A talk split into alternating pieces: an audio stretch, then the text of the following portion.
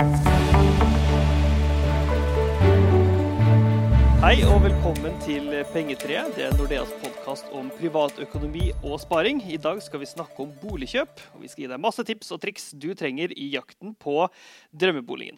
Vi har med oss forbrukerøkonom Derja Insedursson. Velkommen. Takk. Og vi har fått med oss eh, Børre Steen Gundersen. Du er leder for Nordea eiendomskreditt. Velkommen. Takk for det. Og jeg som skal geleide oss lettbeint gjennom denne podkasten her, det jeg heter Per Arne Gedde Lium. Derja, vi starter litt med deg. bare. Hva er det lurt å tenke på først når du skal starte jakten på bolig? Eh, Jeg vil jo gjerne starte med å si Nå har vi jo gått gjennom denne her pandemien. eh, Og det er jo fortsatt litt usikre tider. Eh, Nå ser vi jo òg litt sånn oppblussing igjen her på, på smitte. Så, så jeg tenker eh, Det som er viktig, er eh, å se hvordan det er med jobbsituasjonen din. Det er veldig viktig.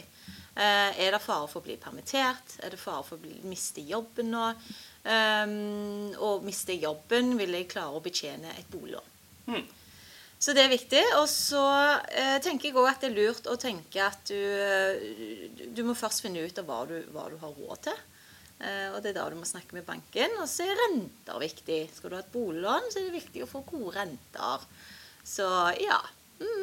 Så ok, du, du snakker med banken. Du får et budsjett, da, en, en, en sånn låneramme. Hvor bør du lete etter drømmeboligen? Nei, det, det kommer jo an på uh, hvilke områder du trives i, hvor du har lyst til å bo, uh, nærhet til hva. Uh, men så er det jo ikke sikkert at du, det budsjettet du har, eh, er nok til å kunne kjøpe bolig i et område du virkelig vil bo i. Eh, så da må du tenke litt alternativ. Eh, ja. Både i forhold til hva du vil ha, og kanskje hvor den ligger også. ja. Uh, Børre, du jobber jo mye mot altså eiendomskreditten, det er jo ut mot utlån i forhold til bolig i Nordea. Hva, hva er viktigst i forhold til prisen på en, på en bolig? Om man skal vurdere om det er riktig pris, på en måte. Ja, da er jo prisen den, den eh, avhenger jo veldig mye av beliggenhet, eh, som, som er det helt sentrale. Og så er dette med pris det er jo veldig et spørsmål hva er det som er riktig pris for deg. Eh, hva du har råd til, og i forhold til de preferanser du har med hensyn på en bolig. Eh, som, som Derja sa, så er det, det er nok veldig viktig at man går igjen og tenker nøye gjennom hvilke prioriteringer og behov har jeg eller familien i forhold til eh, den boligen vi er på jakt etter. Eh, slik at man også kan eh, tydelig gjøre noen prioriteringer mellom hvilke av disse ulike elementene være seg om det er eh, skal være en enebolig, leilighet, være seg om det skal være i nærheten av marka, eller om du ønsker å bo i byen, eh, i nærheten av kollektivknutepunkter osv. Hva er det som betyr mest for deg? Og hva er det som er noe mindre viktig? Og så er det vel lurt å ikke betale så mye for når du ikke vil ha. La oss si Hvis du er en pensjonist, da, så trenger du kanskje ikke å gå i budrunde med alle barnefamiliene som vil ha en, eh, i nærheten av en populær skole, f.eks. Nei, da er man jo Alt dette med, med skole, barnehage er selvfølgelig eh, mindre aktuelt. Men, men typisk det som kan være veldig viktig for deg, er jo eh, å bo veldig nærme kollektivknutepunktene. Som gjør det enkelt for deg å komme deg rundt omkring uten å være avhengig av eh, bil. Eh, og det kan være sånne aspekter typisk hvis du er pensjonist eh, og du skal flytte i leilighet, så bør man absolutt tenke på at det bør være en, en, et sted hvor man har heis. Ja, ikke bratte trapper overalt. Ja. Ok, Man har funnet en bolig man liker. Uh, man har kanskje vært på finn.no og funnet den. Hva, hva- er det viktig å liksom se på? Eh, bortsett fra bare sånn Oi, den her så fin ut. Det er veldig viktig at du, du setter deg inn i boligens tilstand. Um, du har um, tilstandsrapporten, uh, altså takstmannens rapport. Uh, du har f.eks. Egenerklæring, altså selgerens egenerklæring. Eh, det er viktig. Og, og rett og slett eh, alt av informasjon om boligen. Jo mer du vet om boligen, jo mindre overraskelser vil du kunne få etter et boligkjøp. Men hvor ligger denne tilstandsrapporten, da? Nei, du får jo et prospekt. Altså du kan innhente prospekt på boligen. Eh, og, og der har du tilstandsrapporten, du har selgerens egenerklæring, og der har du alt av informasjon om, om boligen. Eh, og den er det veldig viktig å lese godt. Eh, mitt råd er at du setter deg inn i denne rapporten før du drar på visning. Eh, og, så, kan du ha da spørsmålene klar til f.eks. megler. Eh, og, og, du kan vel òg ta kontakt med takstmannen òg, bare? Kan du ikke man, det? Man kan også ta kontakt med takstmannen ja. der det er spesielle forhold man, man, man, lurer på. Og det man bør være særlig oppmerksom på, det er jo i denne rapporten at det som er klassifisert eh, som, som, kategori 2 eller 3, hvor det er mer alvorlige mangler, som mm. takstmannen har påpekt, eh, det er jo særlig det man bør undersøke. Og da kan det være veldig hensiktsmessig i noen sammenhenger å prøve å snakke med takstmannen. Kanskje også å spørre takstmannen om han har noen formening om hva koster å utbedre denne mangelen som er påpekt. Og Noen ting er jo dyrere enn andre. F.eks. tak, grunnmur, sånne type ting er jo potensielt veldig kostbart også i forhold til prisen. Det er det. Og, og det man ofte opplever, er jo uh, uh, typisk problemer knyttet til våtrom. Mm. Altså bad, fuktskader. eh, varmekabler som ikke fungerer. Og dette er jo type um, utbedringer eh, som man må normalt forvente vil koste ganske mye å gjøre. Og det bør man ta med inn i beregningen når man ser både på hva man skal betale for boligen, og hva man har råd til. Varmekablene vi kjøpte ny bolig i går, de funka ikke på vårt bad, så vi endte opp uten varmekabler på Edebadet. Men det er da så. Eh, Derja, det er noe som mange lurer på. Budrunden. Det er jo litt sånn mystisk eh, greie. Fins det liksom noen taktikker og tips hvordan man bør gå fram? Ja, Du bør strengt tatt ikke fortelle megleren hvor mye penger du har å kjøpe for. Det, det kan jo presse opp prisene. Så hold det for deg sjøl. Uh, og så tenker jeg òg at, eh, at du, du, trenger jo ikke å, å bruke opp hele budsjettet. Du kan òg bestemme deg på forhånd hvor mye du har tenkt å bruke på akkurat denne leiligheten her. Ja, så man ikke blir helt sånn revet med, for det er fortsatt å bli litt revet med man driver og byr. Ja, det er veldig lett. Uh, og så er det jo sånn at du, når du er med på en budrunde òg, så, så, opplever du at, uh, at det er flere som, som f.eks. krever at ja, jeg setter inn et bud på si 3,5 Mm. Men, men, jeg skal òg ha eh, f.eks. spisebordet med på kjøpet. Ja, sånn da. ja. så, så, det er jo noen som prøver seg litt på det òg. Men, eh, men, det er viktig å ikke fortelle eh, hva du har å kjøpe for. Er det ikke det, bare? Ja, for jeg merker selv når jeg har vært i budrunde må, Folk er sånn forskjellige. Noen kommer litt sånne klasker til med sånne store bud, store håp. Noen kommer sånne bitte små. Men det fins kanskje ikke noe fasit på hva som, hva som er lurt å gjøre. Nei, eh, nei men, men det, man ser jo litt òg eh, Hvis det kommer litt eh, små bud, så, og, og, hvis du virkelig vil ha denne leiligheten, mm. og du har bestemt deg for at du skal bruke mer på denne, eh, så kan du kanskje da eh, være litt tøff og gå 100 000 mer enn de andre, og så og se, men, men det Plutselig så kommer det jo en Ja, sant. Ja. Eh, så har du vært den som har pressa prisen. Noe du ikke burde gjort, men eh, Hva mener du da, Børre? Du jobber jo tett på lånemarkedet. Jeg, jeg tror eh, det er vanskelig å, å, å, gi noen absolutte råd i en sånn prosess. Men, men um, hvis det er en Det man bør undersøke litt på forhånd, er dette en bolig som f.eks. har ligget ute før? Har den ligget ute lenge? Altså at det har vært litt begrenset eller liten interesse for boligen. Ehm, da vil man normalt kunne tenke på å gå inn med et, et lavt bud. Et bud som ligger en del under prisantydning.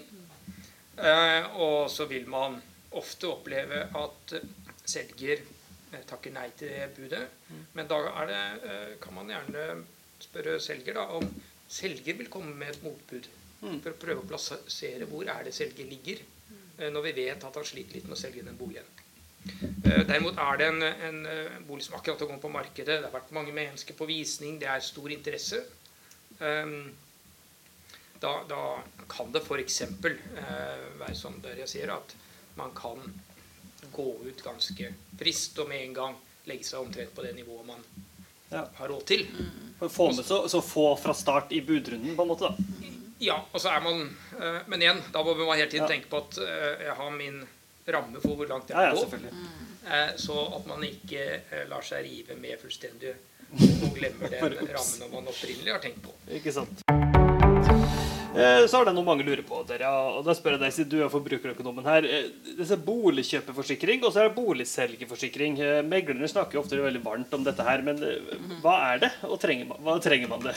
Ja, altså Hvis man starter med boligselgerforsikring, det er, det er en forsikring som dekker helt eller delvis ansvaret som, som du som boligselger har overfor kjøper.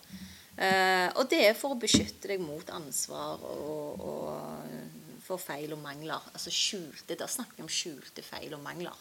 Um, Nei, ikke, ikke småting. altså Her snakker vi litt sånne større ja, altså, vet du hva, der er boligkonflikt. Altså konflikt rundt boligkjøp og salg, det er ganske stort. Mm. Og der får du alt fra eh, et krav på 5000 kroner til opp til millionbeløp. Mm. Så, det, så det varierer veldig. Men ja, her snakker man jo om å forsikre seg mot store krav, da. Um, og um, ja. Men eh, så, så det er en forsikring for, for selger. Uh, og forsikringen bruker å gjelde i, i fem år. Det er den, fordi det er òg den absolutte reklamasjonsfristen etter, eh, etter avhendingsloven. Eh, så de gjelder for fem år. Eh, ja. Og så er det jo en egenandel Det er ingen egenandel her. Uh, men her eh, betaler selger engangsbeløp eh, for forsikringen. Og det gjør de ved da oppgjøret, da. Um, og ja. Og så har du boligkjøperforsikring. Og det er nok der man er Hvor man er litt uenige. Um, og det er boligkjøperforsikring, eller jeg liker å kalle det for en sånn advokatforsikring. Fordi at eh, denne dekker dine utgifter til, til juridisk bistand hvis, hvis det skulle vise seg at det er skjulte feil og mangler ved boligen du har kjøpt. Ja, for Da må du ofte hente inn en advokat for å fremme kravet. da, på en måte. Ja, ofte. Du må jo ikke, men, men ofte så gjør Ja. man jo det. fordi at det der er eh, Prosessen og regler rundt det er jo vanskelig for en som ikke er jurist, å fremme en slik sak. Særlig hvis man ikke blir hørt med, med første henvendelsen til, eh, til selger, blant annet. Eh, som ofte er forsikra. Og da er det jo forsikringsselskapet du må ta den De sier vel ofte nei til å begynne med. ja, ja, veldig ofte. Eh, men eh, og, men det, det veldig mange eh, misforstår, er her at det, altså, kjøper du en sånn boligkjøperforsikring, så er det jo kun eh, utgifter til eh, juridisk bistand du får. Du får jo ikke dekt feil og mangler ved boligen. Eh, så det er nok bare bistand, juridiske bistand som blir dekka. Så det, det, la oss si blir et veldig dyrt krav da, som krever veldig mye advokathjelp. Da Ja. kan det på en måte ha lønt seg. da, på en måte. Ja. Ja. Eh, Men så er det jo en annen ting òg ved denne type forsikringer. Og det er jo at eh, det er jo ikke gitt at, eh, at du får dekka juridiske, altså juridiske utgifter. Fordi at forsikringsselskapet det er de som vurderer om det er en god sak eller ikke. Ja. Så hvis forsikringsselskapet sier at Nei, vi mener at du har en dårlig sak, så vi velger å ikke gå videre med denne saken. Ja. Og det er kanskje ikke mange klar over, at det- du kan også få nei, da. Du kan få nei. Riktig. Det kan du. Og så er spørsmålet trenger man dette, da. Vel, du, du har jo rettshjelpsforsikring i hus- og innboforsikringen din. Eh, som gir deg da eh, juridisk hjelp eh, når, du klager på skjulte mangler i boligen f.eks. Eh, og det eneste kravet her er at det er en tvist. Altså det er en uenighet. Da får du. Men, men denne type forsikringer så blir det jo, får du jo dekning på inntil 100 000 kroner. Og så, har du en, så må du dekke da en egenkapital på 20% Ehm, Sånn at du kan si hvis at du får et salærkrav, altså faktura fra en advokat på for 80 000 kroner, så har du òg først en egenandel på 4000, og så skal du betale 20% egenandel av over det, bla, bla. Eh, nå skal jeg ikke gjøre det så langt, men så da kan du sitte totalt med 15 200 kroner eh, i egenandel hvis du da kun benytter deg av eh, innboforsikringens rettshjelpsdekning. Mm. Eh, men så må du òg være klar over at hvis du sier nei til boligkjøperforsikring og lener deg da på innboforsikringen din, så er det jo sånn at det taper du saken, så blir du ofte idømt til å betale motpartens saksomkostninger.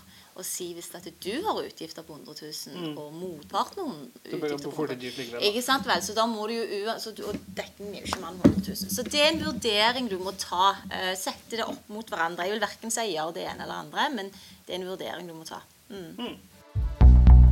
Er det noe annet du skal tenke på hvis du kjøper for å leie ut, da? Hvis du kjøper og leier ut Ja, altså um, Det kommer jo an på. Skal du leie ut et rom? Skal du bare, er, er det en bolig du har kjøpt for å leie ut hele? Altså, så er det jo en del regler, skatteregler inni her. Eh, du kan jo eh, La oss si du har bestemt deg for du skal kjøpe en for å leie ut. Er det noe forskjell i boligjakten din, på en måte? Ja, jeg tenker da må du vurdere litt eh, hvem du har lyst til å leie den ut til. Det, tenker du at du skal leie det ut til familie? Tenker du skal leie det ut til studenter?